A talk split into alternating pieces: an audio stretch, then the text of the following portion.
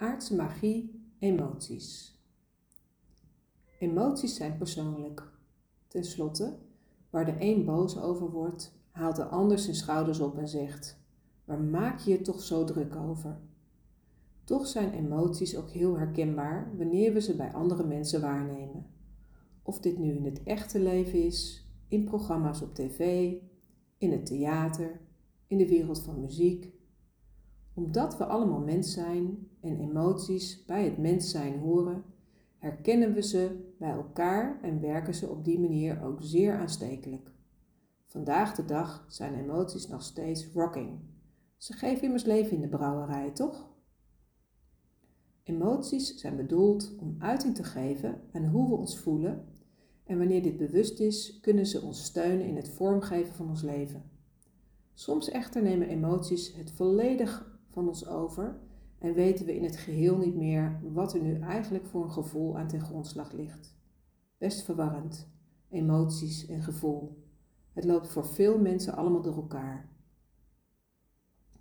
Daarbij is de mens van vandaag zo fijngevoelig dat we ook feilloos de emoties van anderen kunnen aanvoelen. We weten al snel niet meer wat nu van onszelf is en wat de ander toebehoort. Door dit euvel zijn mensen geneigd elkaar emoties te ontzorgen, met name de negatief geladen emoties. Ze maken zich verantwoordelijk voor elkaar, want als die ander zich maar weer beter voelt, heb ik ook weer ruimte.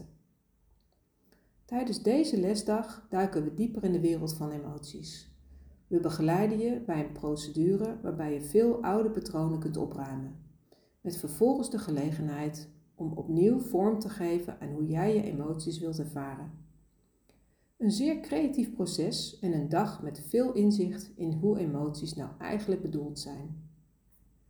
Wanneer we nog even terugkijken in de evolutie van de mens, zijn emoties een ware aanvulling op het pure overleven zoals we dat zagen in de eerste modus.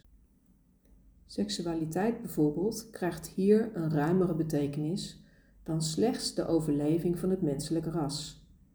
Het dierlijke aspect van de mens schuift meer naar de achtergrond en het plezier wat er in seksualiteit te beleven is, doet een stapje naar voren. Wat je wel ziet, dat door de grote verwarring op het gebied van emoties er ook nog veel verwarring wordt ervaren op het gebied van seksualiteit. Best wel een treurige zaak als je weet hoe ver dit al teruggaat in de tijd.